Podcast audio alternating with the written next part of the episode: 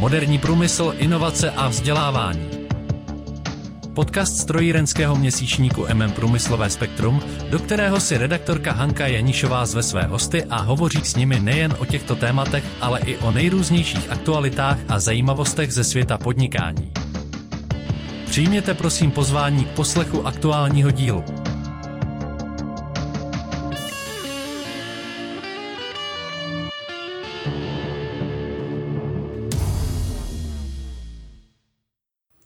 Pravda o jádru zazní v Plzni. Jaderné dny 2022. Tak se nazývá mimořádně zajímavá výstava, která se bude konat ve dnech 14. září až 19. října letošního roku v kampusu Západočeské univerzity na Borských polích. V rámci výstavy proběhnou též nejrůznější konference a semináře se společným jmenovatelem. Jaderná energetika. Duchovním otcem celé akce je již od roku 2010 inženýr Jan Zdebor kandidát věd. Proděkan fakulty strojní pořádající Západočeské univerzity v Plzni. Pana proděkana Zdebora si dovolujeme uvítat u nás v MM Průmyslovém spektru. Dobrý den, pane proděkane. Řekněte nám prosím, o který ročník konference Jaderné dny se v letošním roce již jedná? Jaderné dny pořádáme v Plzni od roku 2010. Prvních šest ročníků proběhlo úspěšně na půdě Techmania Science Center v Plzni a pro rok 2017 neměla Techmania volné prostory pro výstavní část jaderných dnů, tak jsme zkusili jaderné dny přesunout na půdu Západočeské univerzity v Plzni. Tam má k dispozici nejen dostatečně velké plochy pro výstavu, ale k přednáškám je samozřejmě možné využít posluchárny. S ohledem na to, že doprovodné přednášky jsou určeny pro studenty středních škol – zejména technických oborů a gymnází. Předpokládali jsme, že pro středoškolské studenty může být zajímavé podívat se na univerzitní půdu, kam možná budou směřovat jejich další kroky ke studiu. Ukázalo se, že to byla dobrá volba. Letos je to již 12. ročník v Plzni, z toho pět posledních proběhlo na půdě Západočeské univerzity v Plzni. Jak se vlastně zrodila myšlenka pořádání jaderných dnů? A vyvinul se nějaký jejich obsah v průběhu doby, třeba vzhledem k aktuální energetické situaci? Inspirací pro vznik jaderných dnů byl jaderný týden, který pořádali kolegové z katedry jaderných reaktorů ČVUT v Praze v roce 2009 v Bruselu. Ta myšlenka se mi zalíbila, protože Plzeň je spojena nejen s vývojem a výrobou zařízení pro jaderné elektrárny, ale tradičně i s výukou jaderných oborů, rozhodli jsme se uspořádat v Plzni jaderné dny. Přišli jsme s tím nápadem za tehdejším vedením Techmánie a uspěli jsme. Forma jaderných dnů se ovšem postupně vyvíjela až do dnešní podoby, která má už trochu jiný ráz. Na úvod pořádáme dvoudenní mezinárodní konferenci, určenou zejména vysokoškolským studentům a široké veřejnosti. Také otevíráme výstavní část, která potom po dobu pěti týdnů nabízí návštěvníkům možnost seznámit se jednak s různými formami využití ionizujícího záření a také s různými modely jaderných elektráren a skutečnými součástmi jejich zařízení. Výstava trvá pět týdnů a v jejím průběhu pořádáme odborné přednášky pro studenty středních škol. Je známo, že většina lidí, kteří se zabývají energetikou, patří buď mezi skalní příznivce jaderné energie, anebo naopak mezi její skalní odpůrce. V čem vidíte příčinu?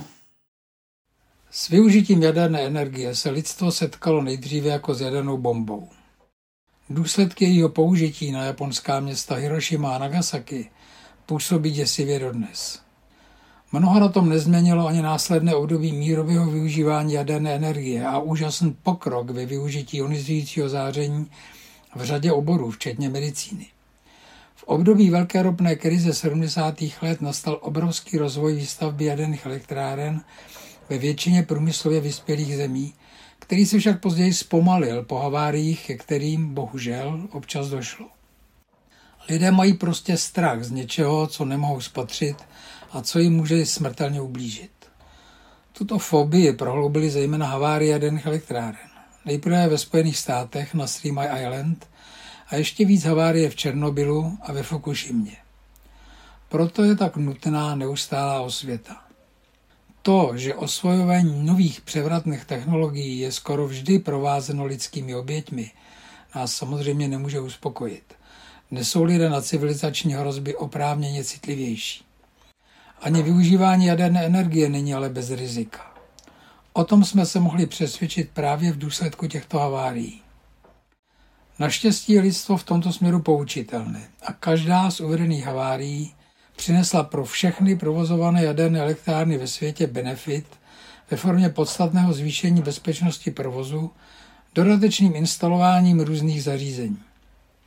Jako příklad bych uvedl snížení pravděpodobnosti poškození aktivní zóny jaderné elektrárny Dukovany, původně vyjádřené bezpečnostním koeficientem 1,7 x 10 na minus 5. Po realizaci dalších bezpečnostních programů jen do roku 2010 se snížila až na hodnotu 7,7 x 10 na minus 6. To znamená, že k události vedoucí k poškození paliva v aktivní zóně může dojít s pravděpodobností jedenkrát za 130 tisíc let. Mezinárodní agentura pro atomovou energii nyní doporučuje tuto hodnotu pro nové jaderné elektrárny. Dnes je tato hodnota na jaderné elektrárně Dukovany ještě příznivější. Pane Zdebore, myslíte, že by v evropském kontextu mohl být politicky průchozí návrat k jaderné energii a její využití na místo jiných zdrojů, kterých bude nyní zřejmě nedostatek? Ke změně pohledu na využívání jaderné energie, zejména jako energetického zdroje, už v podstatě dochází. Příkladem je nedávné schválení využívání jaderné energie jako součásti energetického mixu v Evropské unii. Ještě před vypuknutím války na Ukrajině schválila Evropská komise dočasné zařazení jádra a plynu mezi tzv. čisté zdroje energie, na něž mají členské země Evropské unie dost odlišné názory. Komise v tzv. taxonomii vyšla vstříc zemím jako Francie, Polsko nebo Česká republika, které chtějí na jádro sázet při odstavování elektráren či tepláren využívajících uhlí nebo ropu. Na začátku července Europarlament nezablokoval, pro někoho kontroverzní, návrh o zařazení projektu v jaderné a plynové energetice mezi tzv. zelené investice. Takže můžeme předpokládat, že jaderná energie bude i v Evropě hrát stále zásadní roli.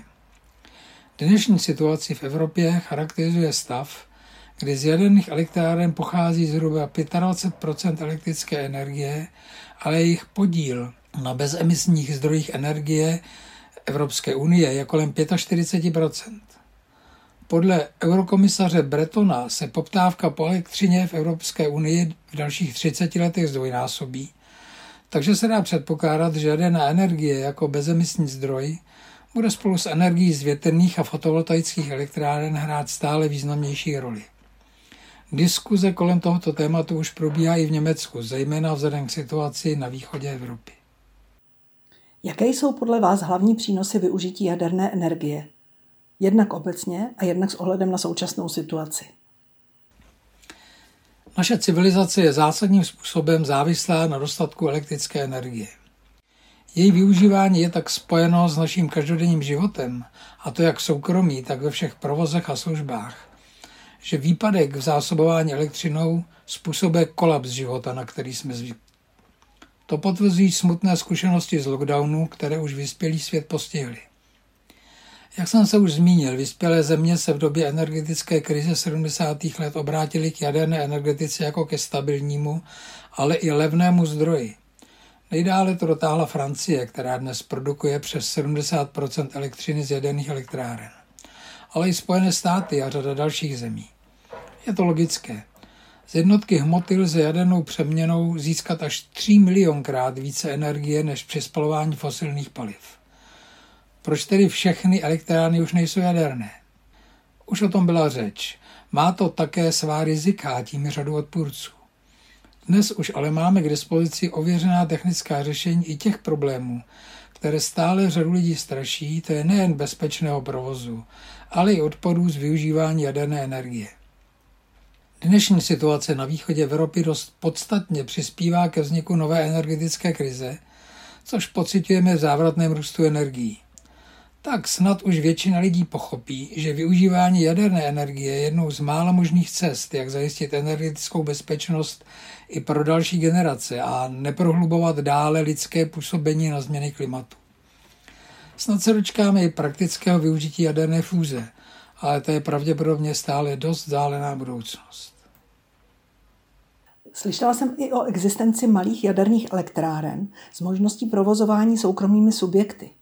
Existují již na trhu nebo jsou zatím jen ve fázi vývoje?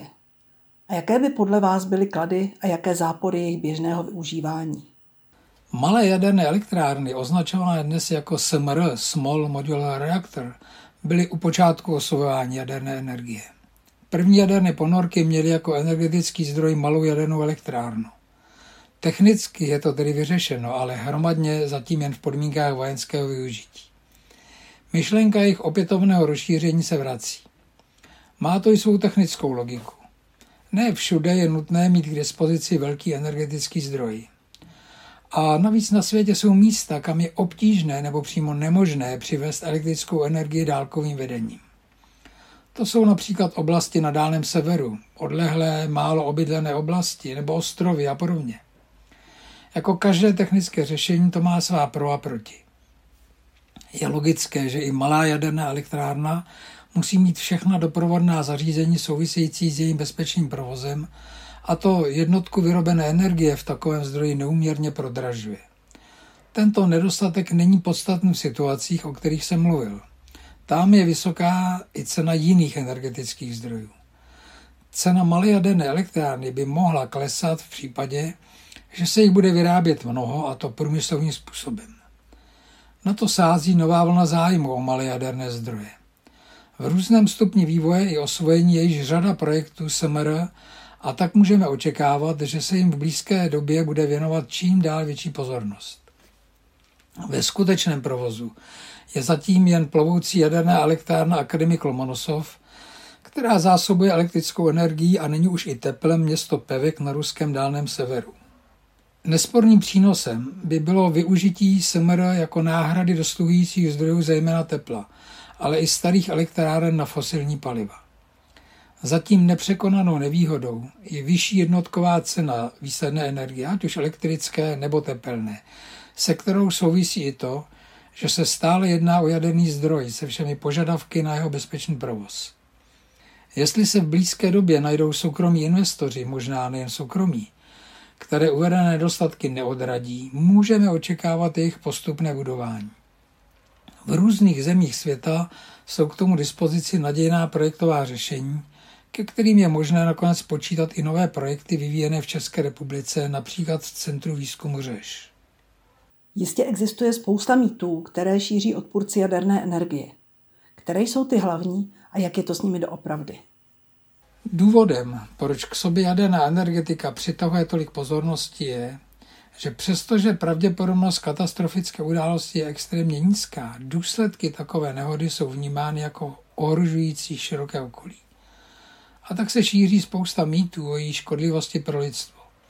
Samozřejmě, že všechny zdroje energie mají negativní vliv na své okolí. Ale míra škodlivosti každého zdroje je různá. Tak jako každá lidská činnost, ani provoz jaderné elektrárny není bez rizika. Je nutné si uvědomit, že život člověka v industriální společnosti ohrožuje řada rizik, která je ale v zájmu benefitu z jejich využívání ochoten podstoupit. Příkladem může být automobilová doprava. Každý den, dříve než sedneme za volant, bychom si mohli přečíst statistiky o haváriích a umrtích, jejichž bezprostřední příčinou je využívání automobilové dopravy. A potom se teprve rozhodnout, jestli takové riziko chceme přijmout. Jen za letošní první polovinu roku to bylo v České republice 250 smrtelných nehod. Samozřejmě riziko havárie v automobilu se obvykle týká jen omezeného okruhu lidí. K jiným rizikům patří používání pesticidů v dnešní zemědělské výrobě, které je už možné vstáhnout na větší část populace. A tak bychom mohli pokračovat. Porovnáme-li tato rizika s rizikem využívání jaderné energie, vychází nám pro mnohé nepochopitelně jaderná energie jako nejbezpečnější zdroj. Podle údajů publikovaných v řadě analýz je jaderná energie, a to i se započtením všech obětí, včetně havárií jaderných elektráren, které její využívání dosud provázely, bezpečnější nebo stejně bezpečná jako fotovoltaika nebo vítr. Vzhledem ke koncentrovanému využití energetické přeměny je ale v této kategorii významně převyšuje. Mezi další mýty, které s oblibou zmiňují odpůrci jaderné energie, patří tvrzení, že provoz jaderných elektráren je jen nebezpečný, ale také špinavý. Porovnáním různých zdrojů energie z hlediska jejich bezpečnosti provozu, ale i vlivu na životní prostředí se v poslední době zabývá řada renomovaných institucí.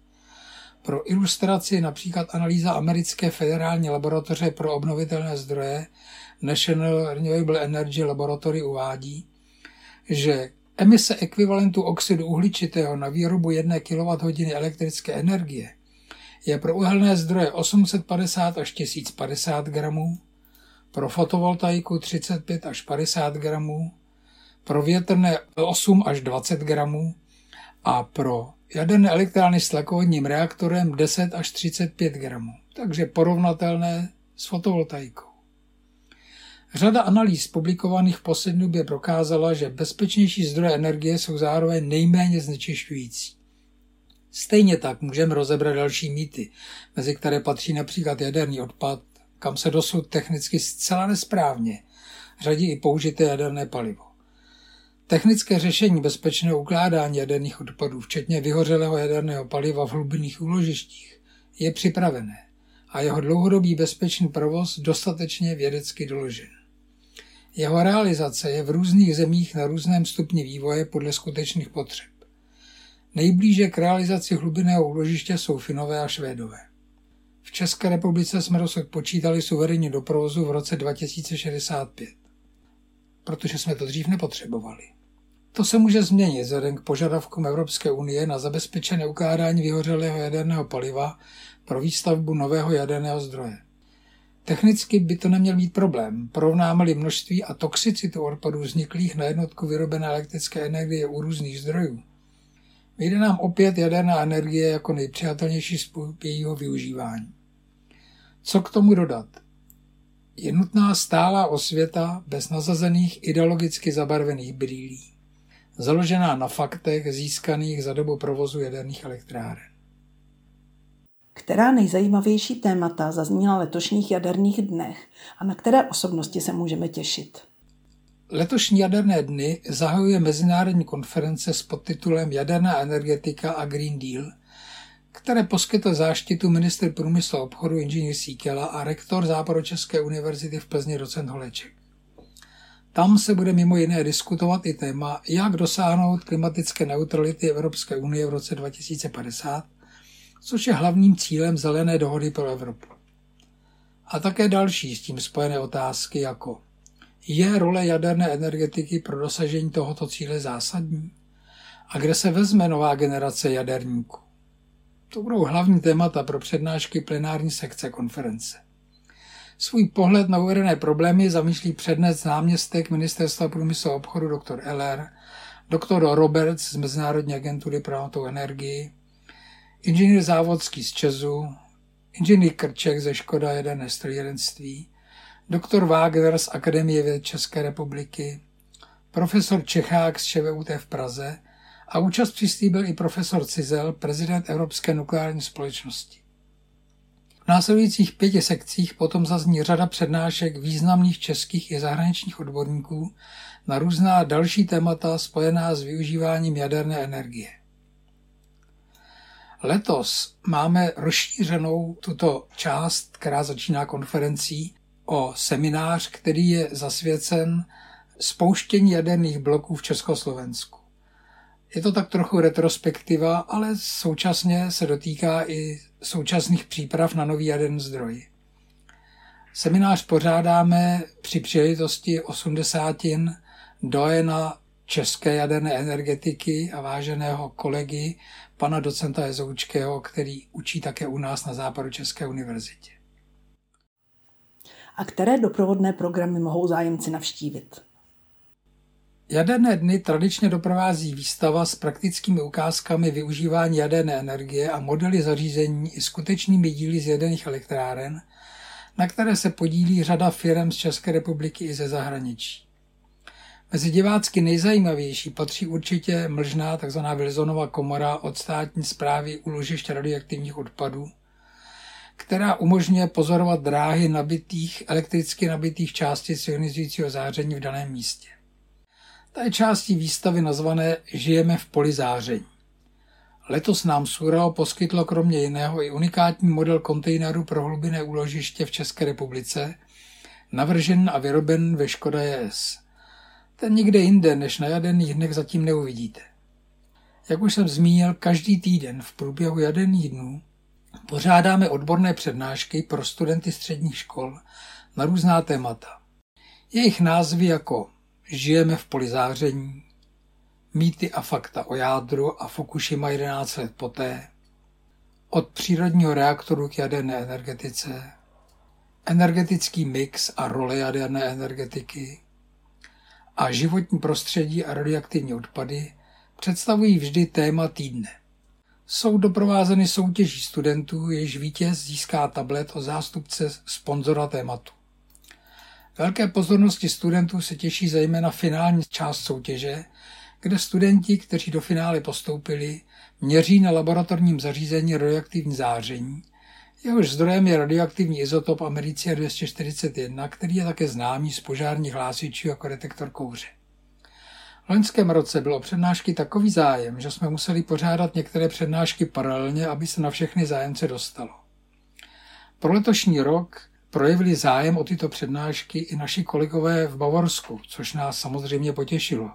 Takže všechny přednášky pro středoškoláky, všechna ta témata, o kterých jsem se zmínil, budou online přenášena do Německa a budou současně simultánně tlumočena do Němčiny. Velice vám děkuji za rozhovor a budeme se těšit na letošní jaderné dny.